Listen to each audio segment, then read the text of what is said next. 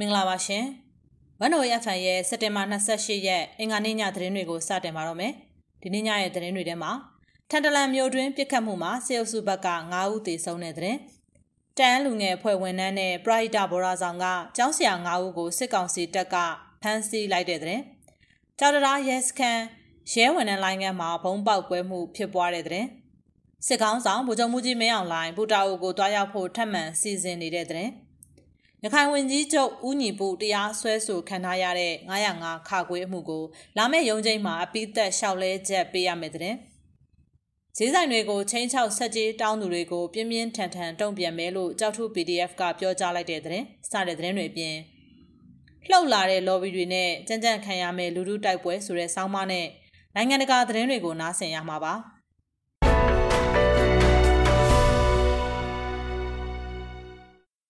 ချင်းပြည်နယ်ထန်တလန်မြို့တနေရာမှာအကြမ်းဖက်စစ်ကောင်စီနဲ့ CDF ထန်တလန်ရဲဘော်တွေပြစ်ခတ်မှုဖြစ်ပွားခဲ့ပြီး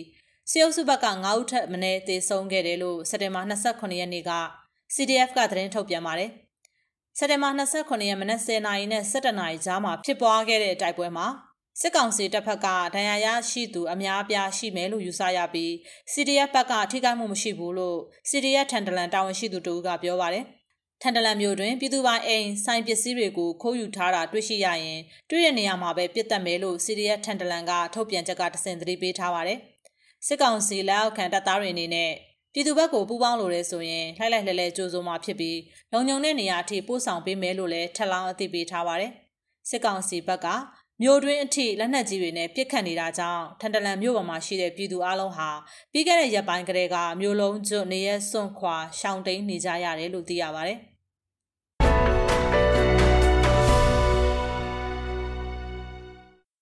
ရှမ်းပြည်နယ်မြောက်ပိုင်းလာရှိုးမြို့မှာရှိတဲ့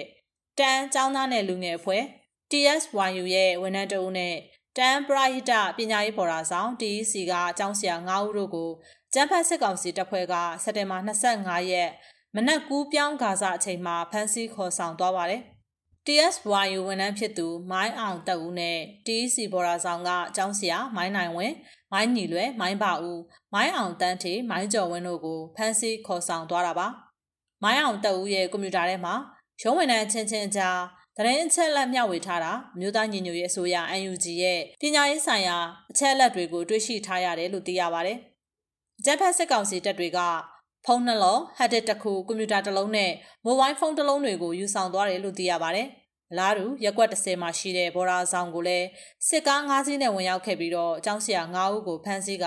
ဆိုင်ကယ်၃စီးပျောက်ဆုံးနေတယ်လို့ဘော်ရာဆောင်တာဝန်ရှိသူတို့ကပြောပါတယ်။ ဖမ်းဆီးမှုနှစ်ခုစလုံးမှာရက်ကွက်အုပ်ချုပ်ရေးမှုတွေကိုခေါ်ဆောင်လာတာမတွေ့ရဘူးလို့သိရပါတယ်။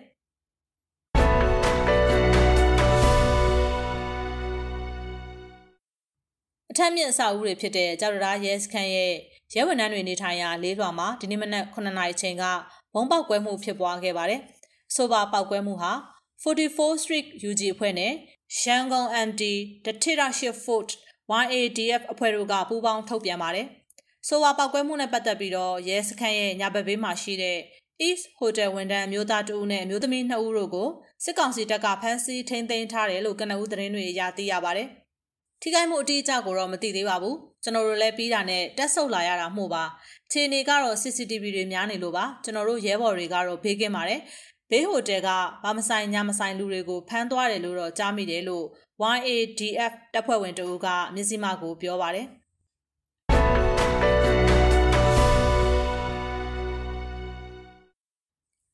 စစ်ကောင်းဆောင်ဗိုလ်ချုပ်မှုကြီးမင်းအောင်လှိုင်ဟာအော်တိုဘာလာဇန်ပိုင်းမှာပူတာအိုကိုထပ်မံတွားရောက်ဖို့စီစဉ်နေတယ်လို့သတင်းရရှိပါရယ်စက်တင်ဘာလအကုန်အော်တိုဘာလာဇန်ပိုင်းလောက်မှာစစ်ကောင်စီခေါင်းဆောင်နဲ့ထိပ်သီးခေါင်းဆောင်တချို့ဟာပူတာအိုနောင်မွန်နဲ့ခေါလံမှုအစရှိတဲ့နေရာ၃နေရာကိုပြန်လည်လာရောက်မှာဖြစ်တယ်လို့စစ်ဖက်သတင်းအရင်းမြစ်တွေကပြောပါတယ်။ ဒါပေမဲ့မြောက်ပိုင်းတိုင်းစစ်ဌာနချုပ်နဲ့နှီးစက်တဲ့သတင်းရင်းမြစ်တွေကတော့စစ်ကောင်းဆောင်ကိုယ်တိုင်လာရောက်မှာမဟုတ်ဘဲနဲ့ဒုတက်ချုပ်ဒုတိယဗိုလ်ချုပ်မှုကြီးစိုးဝင်းနဲ့တခြားအရာရှိတွေလာရောက်နိုင်ပွဲရှိတယ်လို့ဆိုထားပါတယ်။ထိတ်တန်းလှုပ်ဝက်ထားတဲ့အာနာသိန်းစစ်ကောင်စီတပ်အရာရှိကြီးတွေရဲ့ပူတာအိုခီးစဉ်အတွင်းမှာဌာနေပြည်သူစစ်အဖွဲ့ဝင်တွေနဲ့လက်ရှိနောင်မွန်နဲ့ခေါလံဘူးဒေတာပြည်သူစစ်လက်အောက်မှာစစ်တနန်းတက်နေတဲ့အဖွဲ့တွေနဲ့တွဲဆုံသွားဖို့ရှိနေတယ်လို့သတင်းရင်းမြစ်တွေကပြောပါတယ်။ စစက်တင်ဘာ22ရက်နေ့ကစပြီးတော့နောင်မွန်ခေါင်လန်မှုဒေသမှာဌာနေပြည်သူစစ်အဖွဲ့တွေကဥဆောင်ပြီးဒုတိယအကြိမ်စစ်တပ်နန်းတင် जा ပေးနေရမှာနောင်မွန်မြို့မှာတင်နန်းသား100နီးပါးနဲ့ခေါင်လန်မှုဒေသမှာတင်နန်းသား200နီးပါးတက်ရောက်နေတာပါအာနာသိန်းစစ်ကောင်စီခေါင်းဆောင်က အခုလစက်တင်ဘာ18ရက်နေ့မှာမြစ်ကြီးနားကိုရောက်ရှိလာခဲ့ပြီးတော့နှစ်ရက်တာအဖြစ်လာရောက်ခဲ့တဲ့အဲ့ဒီခီးစဉ်မှာစက်တင်ဘာ19ရက်နေ့ကပူတာအိုဒေသကိုတွားရောက်ဖို့စီစဉ်ထားခဲ့ပေမဲ့ကချင်လွတ်လပ်ရေးတပ်မတော် KIA ရဲ့စစ်ရေးနီးဗျူဟာလုံခြုံရေးတွေစီစဉ်ခဲ့ပြီးနောက်ဆိုပါခီးစဉ်ကပြက်ပြယ်သွားခဲ့တာပါ ပထမအကြိမ်ပြက်ပြယ်ခဲ့ရတဲ့ပူတာအိုခီးစဉ်မှာစစ်ကောင်းဆောင်ကမြို့တွင်းအခြေစိုက်ထားတဲ့နေမြေခံတပ်ရင်တပ်ဖွဲ့နောင်မုံမြို့နီးကမကွေစပြည်သူစစ်အဖွဲ့တွေနဲ့တွေ့ဆုံဖို့စီစဉ်ထားခဲ့တာဖြစ်ပါတယ်။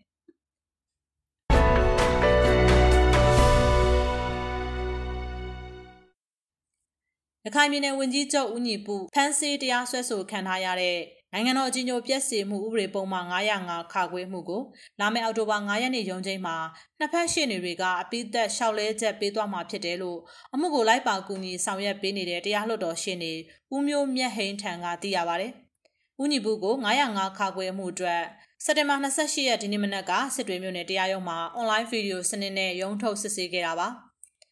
နောက်တစ်ပတ်ကတော့အပိသက်ရှောက်လဲချက်ပါအပိသက်မိန်ကတော့အဲ့ဒီနေ့မှာချမှာလားဘယ်နေ့ချမလဲမပြောနိုင်သေးဘူးလို့တရားလွှတ်တော်ရှေ့နေဦးမျိုးမြတ်ဟိန်းကမြစည်းမကိုပြောပါတယ်နိုင်ငံတော်အကြီးအကျယ်ပြည့်စင်မှုဥပဒေပုံမှန်905ခါခွေအမှုအတွက်လာမယ့်အောက်တိုဘာ9ရက်နေ့ရုံးချိန်မှာအပိသက်လျှောက်လဲချက်ပေးပြီးနောက်အပိသက်အမိန့်ချမှတ်နိုင်မှာဖြစ်တယ်လို့နောက်ထပ်ရုံးချိန်ပေးပြီးမှလည်းအမိန့်ချမှတ်နိုင်ပွဲရှိတယ်လို့ရှင်းနေကပြောပါတယ်။ ဝန်ကြီးချုပ်ဦးညီပူဟာ905ခါခွေပုံမှန်အပြင်အာဂရိလိုက်စားမှုတိုက်ဖြတ်ရေးဥပဒေပုံမှန်55နဲ့အမှု3ခုကိုလည်းရခိုင်ပြည်နယ်တရားလွှတ်တော်မှာအမှုရင်ဆိုင်နေရပါတယ်။ဆိုပါအဂရိလိုက်စားမှုတိုက်ဖြတ်ရေးဥပဒေပုံမှန်55နဲ့တရားစွဲဆိုခံထားရတဲ့အမှု3ခုကိုစက်တင်ဘာ29ရက်နေ့မှာရခိုင်ပြည်နယ်တရားလွှတ်တော်ကရုံးချင်းခေါ်ထားပြီးတရားလိုကိုစစ်ဆေးသွားမှာဖြစ်ပါတယ်။အမှုရင်ဆိုင်နေရတဲ့ နိုင်ငံတော်ကြီးညိုပြည့်စင်မှုဥပဒေပုံမှန်905ခါခွေးမှုဟာအမြင့်ဆုံးပြစ်ဒဏ်ထောင်ဒဏ်2နှစ်အထိချမှတ်နိုင်ပြီးတော့အာဂရိလိုက်စားမှုတိုက်ဖြတ်ရေးဥပဒေပုံမှန်55ကတော့ပြစ်မှုမြောက်တယ်ဆိုရင်အမြင့်ဆုံးထောင်ဒဏ်15နှစ်အထိချမှတ်နိုင်ပါတယ်။စစ်တပ်ကအာဏာသိမ်းပြီးနောက်ရခိုင်ပြည်နယ်ဝန်ကြီးချုပ်ဦးညီပူပါဝင်စီမံကိန်းနှင့်စီးပွားရေးဝန်ကြီးဦးကျော်အေးသိန်းပြည်နယ်လျှက်စစ်ဝန်ကြီးဦးအောင်ကျော်စံနဲ့ တစ်တော်နဲ့တထုဝင်ကြီးဦးကျော်လွင်တို့ကိုလည်းအားရိလိုက်စားမှုတိုက်ဖြတ်ရေးဥပဒေပုံမှန်55နဲ့ဖမ်းဆီးထိန်းသိမ်းထားပါတယ်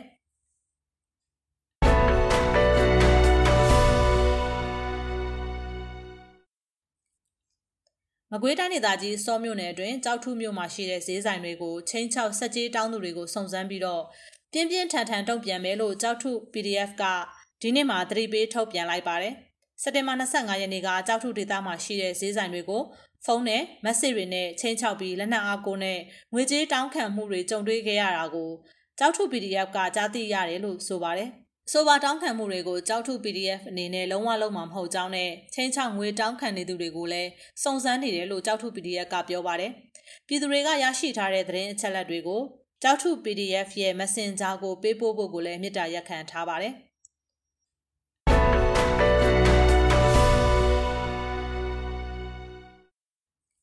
လှုပ်လာတဲ့ lobby တွေနဲ့ကြံ့ကြံ့ခံရမဲ့လူလူတိုက်ပွဲဆိုတဲ့စောင်းမကိုနားဆင်ပါရှင်။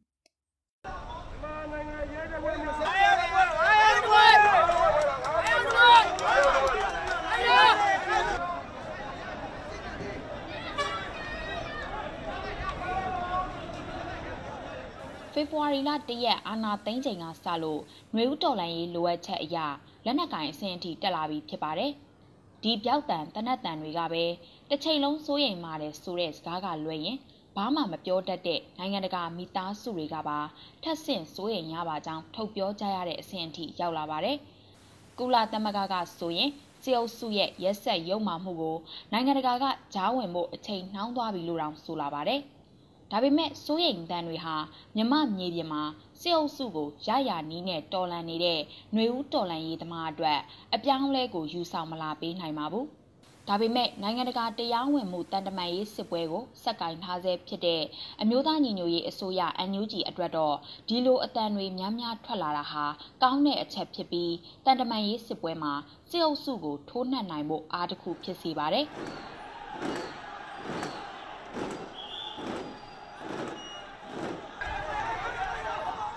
နိုင်ငံတကာမိသားစုတွေနဲ့ကုလသမဂ္ဂကစစ်အုပ်စုအာဏာသိမ်းတာဟာမကောင်းကြောင်းပြောနေချိန်မှာပဲစစ်အုပ်စုက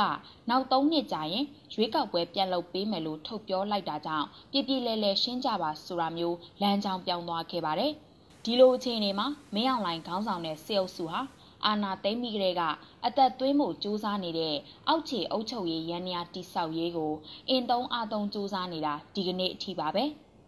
နိုင်ငံတော်ကောင်စီဆိုတာကိုလူထုကအတိအမှန်မပြုတဲ့အတွက်အိမ်ဆောင်အစိုးရအဖြစ်နာမည်ပြောင်းပြီးတရားဝင်အာဏာရသွားပြီလို့ထင်ရအောင်အမည်ပြောင်းပြီးနိုင်ငံအာဏာအလုံးစုံကိုစက်ကင်ထားရေးအတွက်စ조사နေစေဖြစ်ပါတယ်။ဒီစ조사မှုအဖြစ်ပြည်သူလူထုကိုရရဆက်ဆက်တပ်ဖြတ်ပြတာဟာအခုဆိုရင်အပြစ်မဲ့ပြည်သူ1100ကျော်သေဆုံးခဲ့ရပြီဖြစ်တယ်လို့နိုင်ငံအနှံ့ကအကျဉ်းထောင်တွေမှာလည်းမတရားဖမ်းဆီးထားသူတွေနဲ့ပြည်နေပြီဖြစ်ပါတယ်။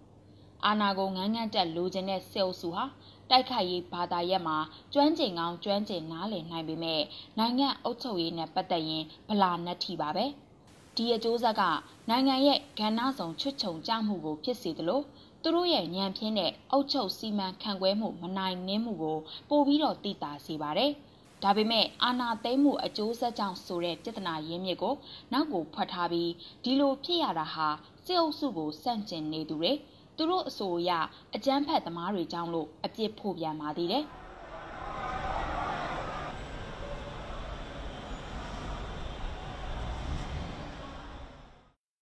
တာမန်အဖြစ်နိုင်ငံတစ်ခုမှာစစ်တပ်ကအာဏာသိမ်းတဲ့အခါအချိန်ကြာကြီးမခံပါဘူး CDM လိုအစိုးရရန်နီးယားတွေရက်တက်သွားအောင်လှုံ့ဆော်မှုအခွန်မပေးရေးလူမှုလှုပ်ရှားမှုလမ်းမော်တက်လူမှုဆန္ဒပြမှုလက်နက်ကင်တော်လှန်မှုတွေဘောင်းဆောင်လာပြီဆိုရင်အာဏာသိမ်းထားသူတွေဟာအချိန်ကြာကြာအာဏာဆက်လူထားမှုကိုဆွန့်လွတ်ကြရလေရှိပါတယ်ဒါပေမဲ့လက်နက်ကင်တက်တင်မကပဲကိုပိုင်စည်းပွားရေးထူထောင်ပြီးဗန္နာရေးလမ်းကြောင်းကိုဖြည့်တင်းထားတဲ့စစ်အာဏာရှင်တပ် နိုင်ငံဗန္နာကိုစိတ်ကြိုက်သုံးပြီးတိစောက်ထားတဲ့အာဏာသိမ်းစစ်တပ်တွေမှာတော့အချိန်တော်ကြာတဲ့အထိတောင့်ခံနိုင်ကြတာကိုတွေ့ရပါတယ်။ဒီထဲမှာအာဏာသိမ်းထားတဲ့မြန်မာစစ်တပ်လည်းပါပါတယ်။ဒါပေမဲ့ဒီလိုတောင့်ခံထားနိုင်မှုဟာလူမှုတော်လှန်ရေးအရှိန်မြင့်တစ်ထက်မြင့်လာတဲ့အခါပိုပြီးအားကောင်းလာတဲ့အခါအာဏာကိုရေရှည်မရယူထားနိုင်ပဲလက်လွတ်ရလိရှိပါတယ်။ဒီလိုလက်လွတ်ရတဲ့အခါ ထွက်ပေါက်ဖြစ်ငင်းချဲရေးစကားဝိုင်းဆိုတာမျိုးကိုသူတို့ဘက်ကဖန်တီးယူလေးရှိပါတယ်။ဒီစကားဝိုင်းကိုလည်းသူတို့ကိုတိုးတိုးတစ်မျိုးကြဲကြဲတစ်မျိုးထောက်ခံတဲ့အရက်ဖက်နိုင်ငံရေးပါတီတွေအစုအဖွဲ့တွေနဲ့အစပြုပြီးအတိုက်ခံအင်အားစုတွေကိုဆွဲခေါ်လေးရှိပါတယ်။တစ်ဖက်မှာလည်းသူတို့သာလျှင်သဘောထားကြီးသူများဖြစ်ကြောင်းကို ပုံဖော်ဝါဒဖြန့်လေးရှိပါတယ်။အခုလိုရှင်းပြတာဟာဆွေးနွေးပွဲလမ်းကြောင်းကိုနှက်ကြောင်းပေးနေတာမဟုတ်ဘူးဆိုတာကိုတော့ရှင်းရှင်းလင်းလင်းသိထားဖို့လိုပါတယ်။ ဆိုလိုချင်တဲ့အဓိပ္ပာယ်ကတော့စစ်အုပ်စုဟာဒီထွက်ပေါက်ကိုတုံးလာအောင်မယ်ဆိုတာကိုသိထားကြဖို့ဖြစ်ပါတယ်။တိုးတက်အားကောင်းလာတဲ့တော်လန်ရေးကြောင့်သူတို့ကြောင်ပိတ်ပြီးဆိုရင်ငင်းကြရေးစကားဝိုင်းလိုမျိုးဖန်တီးပြီးနမဲကောင်းယူထွက်ပေါက်ရမယ့်လမ်းကိုရွေးချယ်လာနိုင်တာကိုကြိုမြင်ထားကြဖို့ဖြစ်ပါတယ်။အခုတော့နိုင်ငံတကာဖိအားကိုအပြစ်ရက်ပါတယ်ဆိုတဲ့စကားလုံးမျိုးတွေနဲ့ဖာထားတေးထားပြီးတစ်ဖက်ကဇက်တိုက်လူတက်ပြနေတာကိုကြည့်ကြည့်ပါ။ ဒီမိုကရေစီစနစ်မှာရွေးကောက်ပွဲဆိုတာဟာအသက်ဖြစ်ပါကြောင်းအများအများရှိခဲ့ပေမဲ့ဖြည့်ရှင်းဆောင်ရွက်နိုင်ခဲ့တဲ့အတွက်ຫນွေဦးတော်လန်ရေးအရှိန်မြင့်လာတာနဲ့အတူစစ်အုပ်စုအတွက်ထွက်ပေါက်ရရေးကူညီမဲ့ lobby တွေဘက်မှလည်းပြင်ဆင်နေကြပါပြီအာနာသိမ့်မီကာလာအစဟိုအကြောင်းပြဒီအကြောင်းပြနဲ့ဘေးထွက်ထိုင်နေကြတဲ့ငင်းချမ်းရေးပွဲစားတွေအတန်ထွက်လာကြပါပြီ။ ရွေးကောက်ပွဲဟာဒီမိုကရေစီဖြစ်စဉ်ရဲ့အရေးကြီးတဲ့အစိပ်ပိုင်းဖြစ်သတ်မှတ်ထားတဲ့နိုင်ငံတကာမိသားစုတွေရဲ့ချင်းကပ်မှုကိုနင်းပြီးစစ်အုပ်စုဟာဒီမိုကရေစီလမ်းကြောင်းပေါ်ပြန်တက်ဖို့အတွက်ရွေးကောက်ပွဲကိုပြန်လုပ်ပေးမှာပါဆိုတဲ့စကားရက်တွေနဲ့လော်ကြအော်ကြအောင်ပါပါ။ຫນွေဦးတော်လန်ရေးဟာလက်နက်ကင်ခုခံတော်လန်မှုထိတက်လာတာဟာနိုင်ငံအတွက်ထိခိုက်နစ်နာစေတဲ့ဆိုတဲ့အကျင့်ကိုနင်းပြီးစစ်အုပ်စုကရွေးကောက်ပွဲပြန်လုပ်ပေးမှာပါဆိုပြီးလော်ကြအော်ကြပါအောင်မယ်။ လက်နက်ကင်အဆင့်အထိຫນွေဦးတော်လန်ရေးဖြစ်တည်လာမှုဟာနိုင်ငံအတွက်ထိခိုက်နစ်နာစေတာကြောင့်စကဝိုင်းထိုင်ဖို့စဉ်းစားကြပါဆိုပြီးတော်လန်သောအင်အားစုတွေဘက်အထူးသဖြင့်အာဏာနိုင်ငံရေးနယ်ပယ်တွေကအလစ်နိုင်ငံရေးသမားတွေကိုချင်းကပ်လာကြပါအောင်မယ်။အဲ့ဒီနီတူဒီလိုမျိုး lobby လုပ်မှုတွေဟာတော်လန်သောအင်အားစုတွေဘက်ကလည်းထွက်လာနိုင်ပါတယ်။ဘာကြောင့်လဲဆိုရင်မြမနိုင်ငံရေးလောကကိုကြည့်လိုက်ရင်စစ်အုပ်စုနဲ့အနီးကပ်နေနေကြတဲ့တက် lobby တွေ ငင်းချမ်းရေးပွဲစားတွေဟာတစ်ချိန်ကအတိုက်ခံအင်အားစုဘက်ကလူတွေဖြစ်နေတာကိုတွေ့ရမှာပါ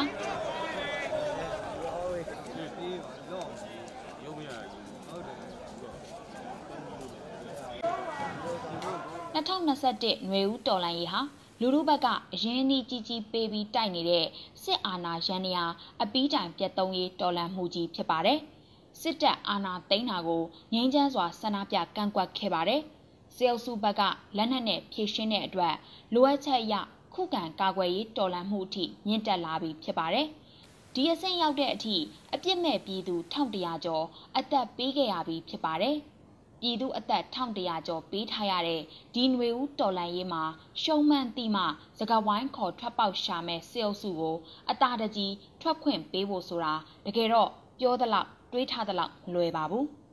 အသက်ပေးခဲ့ရတဲ့လူငယ်တွေ အပြစ်မဲ့ပြည်သူတွေຫນွေဦးတော်လန်ရေးတပ်သားတွေအတွက်မတရားဘူးလို့ဆိုကြမှာလည်းဖြစ်ပါတယ်ဒီလိုဆိုတဲ့အတွက်အစွန်းရောက်တယ်လို့ဆိုသူတွေကဆိုလာနိုင်ပါတယ်ဒါပေမဲ့လက်ရှိမြေပြင်မှာစစ်အုပ်စုကိုနီးပေါင်းစုံနဲ့စန့်ကျင်နေသူတိုင်းကိုမေးကြည့်ကြပါစေအုပ်စုကိုစကဝိုင်းကိုခေါ်မလားလို့အားလုံးလူလူကခေါင်းခါညင်းကြပါလိမ့်မယ်။ဘာကြောင့်လဲဆိုရင်တော်လန်ရေးမှာအသက်ပေးခဲ့တဲ့သူတွေအပြစ်မဲ့တေဆုံးခဲ့သူတွေဟာ သူတို့ရဲ့အယုံကြည်ရဆုံးရဲဘော်အခင်းမရဆုံးမိတ်ဆွေတွေ့တာရဆုံးသောမိသားစုဝင်တွေဖြစ်တာကြောင့်ပါပဲ။အညှိုးတရားတွေနဲ့နိုင်ငံကိုတိဆောက်လို့မရဘူးဆိုတာကိုနိုင်ငံအရေးကိုစိတ်ဝင်စားသူတိုင်းသိပြီးသားပါ။ຫນွေဦးတော်လန်ရေးအောင်ပွဲကိုလည်းအညှိုးတရားတွေနဲ့မတီဆောက်စေချင်ပါဘူး။ဒါပေမဲ့အနိုင်နဲ့တော့ပိုင်းရပါလိမ့်မယ်။ຫນွေဦးတော်လန်ရေးကာလမှာအပြစ်မဲ့တေဆုံးခဲ့တဲ့ပြည်သူတွေအတွက်တရားမျှတမှုကိုစစ်အုပ်စုခေါင်းဆောင်တွေက ပြန်ပေးရပါလိမ့်မယ်။အမိန်ပေးလို့လုပ်ရတာပါဆိုတဲ့သူတိုင်းဟာကျူးလွန်ခဲ့တဲ့ရာဇဝတ်မှုတိုင်းအတွက်တာဝန်ယူမှုတာဝန်ခံမှုရှိရပါစေမယ်။အာဏာနိုင်ငံရေးနယ်ပယ်တွေကနေရာယူထားတဲ့စစ်အုပ်စုရဲ့ခြေကုပ်မှန်သမျှအမြင့်မှန်သမျှကို အပီးတိုင်ဆွဲနှုတ်ဆွဲဖြုတ်ပြရပါမယ်။စစ်အာဏာရန်ရာကြီးလဲပတ်ဖို့အားပေးထောက်ကူနေတဲ့ဆက်သွားမှန်သမျှကိုခြေဖြတ်ချိုးဖြတ်ပြရပါမယ်။ ငိမ့်ချမ်းရေးစကဝိုင်းဆိုတာကိုစစ်အုပ်စုကစလာပြီးဆိုရင်ဒါတွေဟာတော်လန်သောအင်အားစုတွေဘက်ကလိုလားချက်ဆိုတာကိုအခုကလေးကပြက်ပြက်သားသားကြေညာထားဖို့လိုပါတယ်။ဒီကနေ့ຫນွေဦးတော်လန်ရေးကြောင့်စစ်အုပ်စုဟာကြောင်ပိတ်တစ်ထက်ပိတ်ထွက်ပေါက်ပြောက်တစ်ထက်ပြောက်လာနေပါပြီ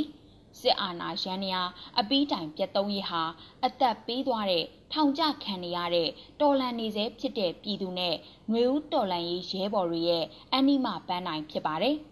ဒီပန်းနိုင်ကသာလျှင်နိုင်ငံအနာဂတ်ကောင်းတစ်ထက်ကောင်းအောင်တည်ဆောက်ဖို့အတွက်အဓိကအုံမြင့်လည်းဖြစ်နေပါတယ်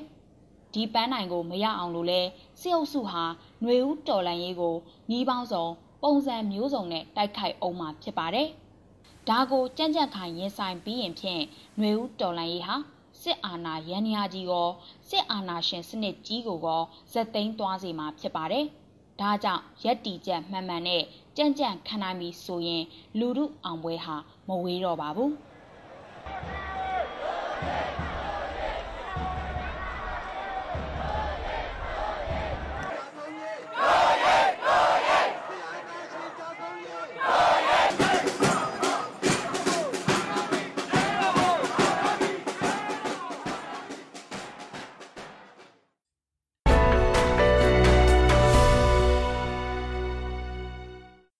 ဆက်လက်ပြီးတော့နိုင်ငံတကာသတင်းတွေကိုတင်ဆက်ပေးမှာပါ။ကိုလံဘီယာနိုင်ငံဘတ်ချန်ကအန်နီယထူပြောတဲ့ Darium Gap ဒေါ်နက်ကြီးကိုဖျက်ဆီးနေကြတဲ့ဟေတီနိုင်ငံသားများဆိုတဲ့အကြောင်းကိုနားဆင်ပါရှင်။ဟေတီနိုင်ငံသားရွှေပြောင်းအခြေချသူတွေဟာမြစ်တွေစမ်းကြောင်းတွေနဲ့ရွှွညွန်ထူထပ်တဲ့လမ်းတွေဖြတ်ပြီးကိုလံဘီယာနိုင်ငံဘက်ချမ်းက Darian Gap ဒေါ်နက်ကြီးအတွင်ခရီးချမ်းကိုနှင်နေကြပါတယ်။ American နိုင်ငံမှာတာယာတဲ့ဘဝတစ်ခုထူထောင်မယ်ဆိုတဲ့အိမ်မက်တွေနဲ့ ပနားမားနိုင်ငံနယ်စပ်စီကိုဦးတည်သွားနေကြတာဖြစ်ပါတယ်။ဒီက3,4300ကျယ်ဝန်းတဲ့ Darien Gap တောကြီးဟာကမ္ဘာမှာအန်ဒီရဲ့အထူးပြုံးဆုံးနေရာတွေထဲကတစ်ခုဖြစ်တယ်လို့ UNICEF အဖွဲ့ကြီးကဆိုပါတယ်။တောတွင်မှာလက်နက်ကင်လူဆိုးဓမြတွေနဲ့မူးယစ်မောင်ကိုသမားတွေခြေချင်းလိန်နေပြီးဒီတောကိုဖျက်ဆီးသွားတဲ့ရွှေပြောင်းအခြေချသူတွေကိုမကြာခဏတိုက်ခိုက်လူရဲလေးရှိပါတယ်။ American နိုင်ငံပိုင်းမြေပေါ်ခြေချလိုက်တာနဲ့ဖမ်းဆီးထိန်းသိမ်းခံရတဲ့ဟေတီနိုင်ငံသားတွေရဲ့ပုံတွေကြောင့် စိတ်မချမ်းသာစရာကောင်းပေမဲ့ကိုယ်နိုင်ငံတဲ့ပုံမကြွယ်ဝတဲ့နိုင်ငံတွေစီရောက်ဖို့အတွက်ရွှေပြောင်းအခြေချသူတွေကဆက်ပြီးကြိုးစားနေအောင်ပါပဲလို့ဟေတီနိုင်ငံခေါင်းဆောင်ကကုလသမဂ္ဂကိုစက်တင်ဘာလ25ရက်စနေနေ့ကပြောကြားလိုက်ပါတယ်။မကြသေးမီရက်များအတွင်းမက္ကဆီကိုနဲ့အမေရိကန်နိုင်ငံကြားနေဆက်မှာပဲကျွန်တော်တို့နိုင်ငံသားတွေအပေါ်ပြုမှုဆက်ဆံမှုမြင်ကွင်းတွေကကျကျွန်တော်ကိုတုံလို့စေခဲ့ပါတယ်လို့လက်ရှိဝန်ကြီးချုပ် Ariel Henry က ကုလအထွေထွေညီလာခံကိုပေးပို့တဲ့ရုပ်သံမိန့်ခွန်းထဲမှာထည့်သွင်းပြောကြားလိုက်ပါတယ်။အကျုပ်ချအာဏာပိုင်နိုင်ငံတစ်ခုအဖို့နိုင်ငံသားတွေကိုနိုင်ငံအတွင်းဝင်ရောက်ခွင့်အပေါ်ထိန်းချုပ်တာဒါမှမဟုတ်တရားဝင်ဝင်ရောက်လာသူတွေကိုနေရင်းနိုင်ငံကိုပြန်ပို့တာစတဲ့လုပ်ပိုင်ခွင့်တွေအပေါ်စောကြောဖို့ဆန္ဒမရှိပေမဲ့အခုကျွယ်ဝချမ်းသာနေတဲ့နိုင်ငံအတော်များများကိုရွှေ့ပြောင်းအခြေချသူတွေနဲ့ဒုက္ခသည်တွေစတဲ့လူသားလှိုင်းအဆင့်ဆင့်နဲ့တိဆောက်ခဲ့တာဖြစ်တယ်လို့ကျွန်တော်တို့ယုံကြည်ပါတယ်လို့ သူကဆက်ပြောပါတယ်။ဟေတီနိုင်ငံသားအများစုပါဝင်တဲ့ရွှေ့ပြောင်းအခြေချသူသိန်းချီဟာအမေရိကန်နဲ့တက်ဆက်နယ်စပ်ကတက်ဆက်နိုင်ငံဘက်ချမ်းမှာစက်တင်ဘာလအစောပိုင်းကတည်းကရောက်ရှိနေခဲ့ကြတာပါ။ယခုသတင်းပတ်အတွင်းအမေရိကန်နယ်ကြားဆောင်မြင်းစည်းတပ်တွေကရွှေ့ပြောင်းအခြေချသူတွေကိုအကြမ်းဖက်တုံ့ပြန်နေတဲ့မြင်ကွင်းတွေကြောင့်ဂျိုးဘိုင်ဒန်အစိုးရပေါ်ဝေဖန်မှုတွေကြဲကြဲပြန့်ပြန့်ထွက်ပေါ်လာခဲ့ပါတယ်။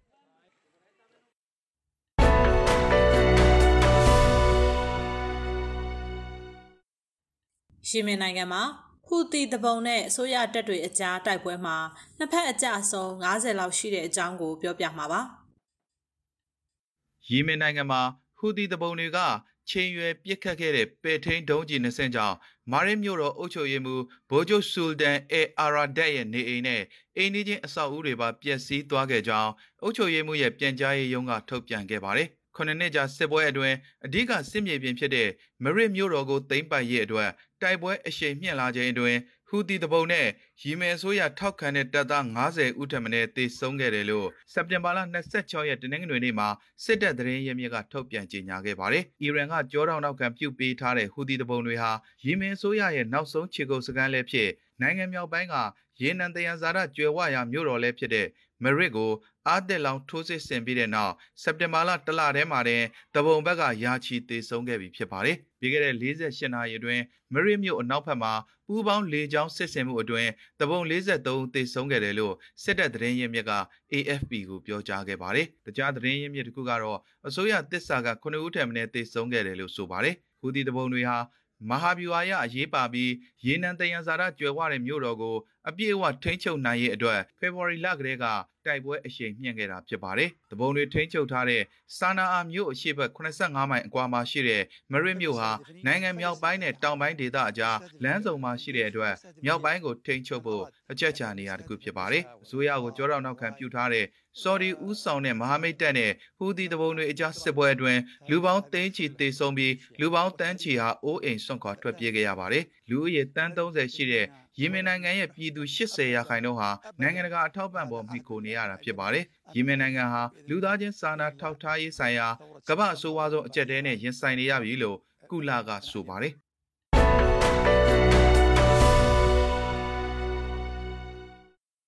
စစ်ပွဲအတွင်းသေဆုံးခဲ့ရသူတွေအတွက်အထိတ်အမှတ်ဖြစ်ထောင်နဲ့ချီတဲ့အာမေးနီးယားတွေဆန္ဒပြချီတက်တဲ့အကြောင်းကိုပြောပြမှာပါလွန်ခဲ့တဲ့တစ်နှစ်အကြာက နာဂေါ်နိုကာရာဘက်ဒေသအငင်းပွားမှုနဲ့ပတ်သက်ပြီးရန်ဘက်အဇာဘိုင်ဂျန်တွေနဲ့ဖြစ်ပွားခဲ့တဲ့စစ်ပွဲအတွင်းထိခိုက်ဒေဆုံးခဲ့ရသူတွေအတွက်အထိမ့်မဲ့ဖြစ်တဲ့အာမေးနီးယန်လူမျိုး3000လောက်ဟာမြို့တော်ရီရီဘန်မှာစက်တင်ဘာလ26ရက်တနင်္ဂနွေနေ့ကဆန္ဒပြချီတက်ခဲ့ကြပါတယ်။ပဋိပက္ခရဲ့ပထမဆုံးနှစ်ပတ်လည်နေ့အကြိုရက်မှာတမတာဟောင်းရောဘတ်ကိုချာယန်ဦးဆောင်တဲ့အတိုက်ခံပါတီတွေဟာမြို့လေကနေအူရာဘလာစစ်တင်ချိုင်းစီကို မိရှုမိပန်းတွေကင်ဆောင်ပြီးခြေတက်ခဲ့ကြတာဖြစ်ပါတယ်။ပြီးခဲ့တဲ့နှစ်စက်တင်ဘာလ29ရက်နေ့ကအာမေးနီးယန်တွေရဲ့ခွဲထွက်နယ်မြေကာရာဘက်ကိုအဇာဘိုင်ဂျန်ကထိန်းချုပ်ဖို့ကြိုးစားမှုအတွက်ကော့ကိတ်ဆက်ရဲ့အိမ်နီးချင်းတွေကြားမှာစစ်ပွဲတစ်ခုဖြစ်ပွားခဲ့ပြီးလူပေါင်း6500လောက်အသက်ဆုံးရှုံးခဲ့ရပါတယ်။နိုဝင်ဘာလမှာတော့ရုရှားရဲ့ဂျားဝင်ဆိတ်ဆက်မှုနဲ့အာမေးနီးယားကဆယ်စုနှစ်နဲ့ချီပြီးထိန်းချုပ်ထားတဲ့ဘာဂူလွန်မြင့်နယ်မြေတွေကိုလွှဲပြောင်းပေးလိုက်ပြီးရန်လိုမှုတွေအဆုံးသတ်သွားခဲ့ပါတယ်။ ငြိမ်းချမ်းရေးသဘောတူစာချုပ်ကို အာမေးနီးယားမှာနိုင်ငံအတွက်အရှက်ရစရာကိစ္စတစ်ခုဖြစ်ရှုမြင်ခဲ့ကြပြီးဝန်ကြီးချုပ်နီကိုပါရှင်ယန်ရဲ့အုပ်ချုပ်မှုကိုစန့်ကျင်တဲ့ဆန္ဒပြပွဲတွေဖြစ်ပေါ်လာခဲ့ပါတယ်။ဒီအရှုံးကိုငါတို့ဘယ်တော့မှလက်ခံမှာမဟုတ်ဘူး။ငါတို့စစ်တီတွေရဲ့ပေးဆက်မှုကအချင်းအီမဖြစ်စေရဘူးလို့အတိုက်ခံဟာယာစတန်အဖွဲ့ရဲ့ဒုတိယလွှတ်တော်ဥက္ကဋ္ဌ Ishkam Sakatarian ကတနင်္ဂနွေဆန္ဒပြပွဲအတွင်းသတင်းတောက်တွေကိုပြောကြားခဲ့ပါတယ်။အမိမြေအတွက် ငငယ်ရွယ်နဲ့အသက်ဆွန့်သွားတဲ့ငါတို့ရဲ့ရဲဘော်တွေကိုအမြဲတမ်းအမှတ်ရနေမှာပါလို့အသက်39နှစ်အရွယ်ဆန္ဒပြသမားတူဖြစ်တဲ့အန်နာကာရာပက်တန်က AFP ကိုပြောပြပါဗျတနင်္လာနေ့မနေ့မှာတော့6ဘက်ကြာစစ်ပွဲအတွင်းက တားကောင်ဖြစ်ခဲ့ရသူတွေကို အောက်မေ့တတိယချင်းအထိမ့်မှတ်ဖြစ်အာမေးနီးယားနဲ့အဇာဘိုင်ဂျန်တို့မှာတနိုင်ငံလုံးအတိုင်းအတာနဲ့တမိနစ်ငြိမ်သက်ပြီးဆူတောင်းခဲ့ကြပါတယ်။ဆိုဗီယက်ယူနီယံပြိုလဲချိန်မှာနာဂေါ်နိုကရာဘက်ရှိအာမေးနီးယားခွဲထွက်ရေးသဘုံတွေဟာအဇာဘိုင်ဂျန်ကနေခွဲထွက်ခဲ့ပြီးနောက်ဆက်တွဲပဋိပက္ခတွေကြောင့်လူပေါင်း3000ကျော်သေဆုံးခဲ့ရပါတယ်။အဲ့ဒီအချိန်ကအာမေးနီးယန်တွေဟာအနည်းပတ်ဝန်းကျင်ဒေသနဲ့ နိုင်ငံရဲ့20ရာခိုင်နှုန်းခန့်ရှိတဲ့အဇာဘိုင်ဂျန်ရဲ့အနီးအနားကခရိုင်ခုနှစ်ခုကိုသိမ်းပိုက်ထားခဲ့ရာကနေပြီးခဲ့တဲ့နှစ်ကစစ်ပွဲကြောင့်ကရာဘက်ရဲ့နေမြေအချို့နဲ့ပတ်ဝန်းကျင်ခရိုင်တချို့ကိုဘာဂူကပြန်လည်သိမ်းပိုက်နိုင်ခဲ့ပါတယ်။၎င်းဒေသအတွင်းအပြစ်ကရက်စဲရေးကိုထိန်းသိမ်းနိုင်ဖို့အတွက်မော်စကိုဟာငြိမ်းချမ်းရေးတပ်ဖွဲ့ဝင်2000လောက်ဖြန့်ချထားခဲ့ပါတယ်။အာမေးနီးယားအတွင်းကစစ်ပွဲကပုံစံအများကြီးပြောင်းသွားပေမဲ့အခုထိမပြီးဆုံးသေးဘူးလို့ကျွန်မထင်တယ်။ ဒီကိစ္စအတွက်ခိုင်မာတဲ့ရလက်ခိုင်မာတဲ့အဖြေတခုမရမချင်းမပြီးနိုင်သေးဘူးလို့လက်နစ်ဆက်စီးမှတူဖြစ်တဲ့နိုင်ရာကတ်တက်ရှီယန်ကဆိုပါတယ်စစ်ပွဲကနိုင်ငံအတွက်ပိုပြီးဆိုးတဲ့ဘက်ကိုအများကြီးပြောင်းလဲသွားတယ်ဒါတွေအားလုံးကိုမေ့ပစ်ပြီးဒဏ်ရာတွေကိုကုစားဖို့ကနောက်ထပ်အနှစ်တရာဆိုရင်တော့ပျောက်သွားမှာမဟုတ်ဘူးလို့သူမကဆိုပါတယ်စစ်ကကျုပ်တို့ကိုအများကြီးပြောင်းလဲသွားစေတယ်အများပြားတည်ကြခဲ့ကြတယ်အဖမ်းခံကြရတယ်အဲ့ဒီအကျဉ်းသားတွေကိစ္စကိုဖြေရှင်းခြင်းနဲ့ သူတို့အမြန်ဆုံးပြန်လွတ်ဖို့ဘယ်လိုလုပ်ရမလဲဆိုတာကိုစဉ်းစားကြရမယ်စစ်ပွဲကလည်းမပြီးသေးဘူးဆက်ဖြစ်နေတော့မယ်ကျုပ်တို့ကလည်းဆက်တိုက်ဖို့အသင့်ပဲလို့စစ်ပွဲမှာပါဝင်ခဲ့တဲ့အာမေးနီးယန်စစ်မှုထမ်းတူဖြစ်သူကာရင်ဘာဒရန်ကဆိုပါတယ်ဒီလောက်စိတ်သဘောထားညံ့တဲ့အိမ်နေချင်းတယောက်ရှိနေကြတဲ့ကဒီကိစ္စကအခုထိအဆုံးသတ်မရသေးဘူးဆိုတာသိတယ်ကျုပ်တို့အားလုံးစီလုံးကြရမယ်အချင်းချင်းရိုင်းမဲရမယ်ကျုပ်တို့ရဲ့ရဲဘော်ရဲဘက်စစ်တုံးမန်းတွေကိုအများဆုံးပြန်လွတ်အောင်လုပ်ရမယ်လို့ စစ်ပွဲမှာပါဝင်ခဲ့တဲ့စစ်မှုထမ်းတူဖြစ်သူအာသမက်ခရင်ချန်ကဆိုပါတယ်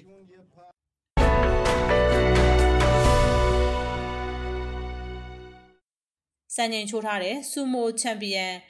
ဟာကူဟိုအနားယူတော့မယ့်အကြောင်းကိုနားဆင်ပါရှင်ဆူမိုနဘန်လောကရဲ့ထာဝရအကြီးကျယ်ဆုံးချန်ပီယံဟာကူဟိုဟာ၎င်းရဲ့ဒူးကောင်းတန်ရာကြောင့်အနားယူဖို့ဆုံးဖြတ်လိုက်တဲ့အတွက် ဂျပန်ရှေးဟောင်းအားကစားတစ်ခုရဲ့အုပ်ရှောင်နေရာမှာကွက်လက်တစ်ခုကျန်ရစ်တော့မယ်လို့ဂျပန်မီဒီယာတွေမှာစက်တင်ဘာလ29ရက်တနင်္လာနေ့ကဖော်ပြခဲ့ကြပါတယ်။အသက်36နှစ်အရွယ်မွန်ဂိုလီးယားနွယ်ဘွားအားကစားသမားဟာပြိုင်ပွဲ45ပွဲအထိစံချိန်တင်ချန်ပီယံဆုတွေရရှိထားပြီးတမိုင်းတစ်လျှောက်မှာအောင်မြင်ခဲ့သူတွေထက်73ပွဲပိုများသလိုဒဏ်ရာတွေကြောင့်လည်းတစ်နှစ်ပတ်လုံးနီးပါးပြိုင်ပွဲတွေနဲ့လွဲချော်နေခဲ့ရပြန်ပါတယ်။အရင်ပြိုင်ပွဲ6ခုမှာ ပွဲစဉ်တစ်ခုလုံးဖြစ်စေ ဒစိမ့်တစ်ပိုင်းဖြစ်စေပါဝင်ရှင်ပြိုင်ဖို့လက်လွတ်ခဲ့ရပြီးတဲ့နောက်ရှုံးပွဲမရှိချန်ပီယံဆုကိုရယူဖို့မျှော်လင့်ထားတဲ့2021ခုနှစ်အတွင်းဇူလိုင်လကနာဂိုယာဂရန်ဆူမိုပြိုင်ပွဲကိုလည်းတပွဲသာကစားခဲ့ရပါတယ်။ကိုရိုနာဗိုင်းရပ်စ်ပြန့်ပွားလာမှုကြောင့်သူနဲ့ကစားပေါ်နဘန်းသမား18ယောက်ဟာတင်းနှင်းငွေနေ့မှာပြီးဆုံးမဲ့ပွဲစဉ်တွေကိုဆက်လက်ရှင်ပြိုင်ဖို့အတွက်တားမြစ်ခံခဲ့ရပါတယ်။အဲဒီနောက်မှာတော့ဟာကူဟိုဟာဒူးတန်ယာကြောင့်1188ပွဲအနိုင်ရရှိခဲ့တဲ့ အောင်မြင်ကြော်ကြားတဲ့စူမိုနဘန်းသမားဘဝကိုပြည်ပုံးကားချပြီးအနားယူတော့မယ်လို့ဆုံးဖြတ်ခဲ့တယ်လို့ပြည်တွင်းမီဒီယာတွေမှာဖော်ပြခဲ့ကြပြီးဒီကိစ္စအပေါ်ဂျပန်စူမိုအစည်းအရုံးကတစုံတရာမှတ်ချက်မပေးခဲ့ဘူးလို့ဆိုပါတယ်။မန်ကူဘက်တဘာဂျာကယ်မြို့မှာငွေဖွားခဲ့ပြီးအိုလံပစ်ငွေတံဆိပ်ဆုရအလွတ်တန်းနဘန်းသမားရဲ့သားဖြစ်တဲ့ဟာကူဟိုဟာဆူမိုနဘန်းလောကတဲကိုဝင်ရောက်ဖို့အတွက်ဂျပန်ကိုအသက်15နှစ်အရွယ်မှာရောက်ရှိလာခဲ့ပါတယ်။ဝေဇော်ဦးပွဲကို 2000ခုနှစ်မှာရှင်ပြိုင်ခဲ့ပြီးထိပ်တန်းအဆင့်အတွက်ပထမဆုံးပွဲကိုတော့2006ခုနှစ်မေလမှာရှင်ပြိုင်ခဲ့ပါတယ်။အဲဒီနောက်2009ခုနှစ်အသက်22နှစ်အရွယ်မှာဆူမိုရဲ့အဆင့်အမြင့်ဆုံးယူကိုဇူနာအဆင့်ကိုတက်ရောက်နိုင်ခဲ့ပါတယ်။သူနဲ့မွန်ဂိုလီးယားယူကိုဇူနာဆူမိုတပန်းသမားအစာရှောယူတို့ရဲ့ဘားတပြန်ကြားတပြန်ပြိုင်ပွဲတွေဟာအားပေးကြည့်ရှုသူတွေများပြားလာတာနဲ့အတူရှေးအောင်အားကစားတစ်ခုကိုပြန်ပြီးအသက်ဝင်လာစေခဲ့ပါတယ်။အစာရှောယူဟာ 2010ခုနှစ်မှာအနားယူသွားပေမဲ့ဟာကူဟိုကတော့အောင်ပွဲတွေအလီလီဆက်ရင်2015ခုနှစ်ဇန်နဝါရီလမှာဂန်နဝင်တိုင်ဟိုရဲ့33ချိန်ချန်ပီယံစံချိန်ကိုပါကျော်တက်သွားခဲ့ပါတယ်။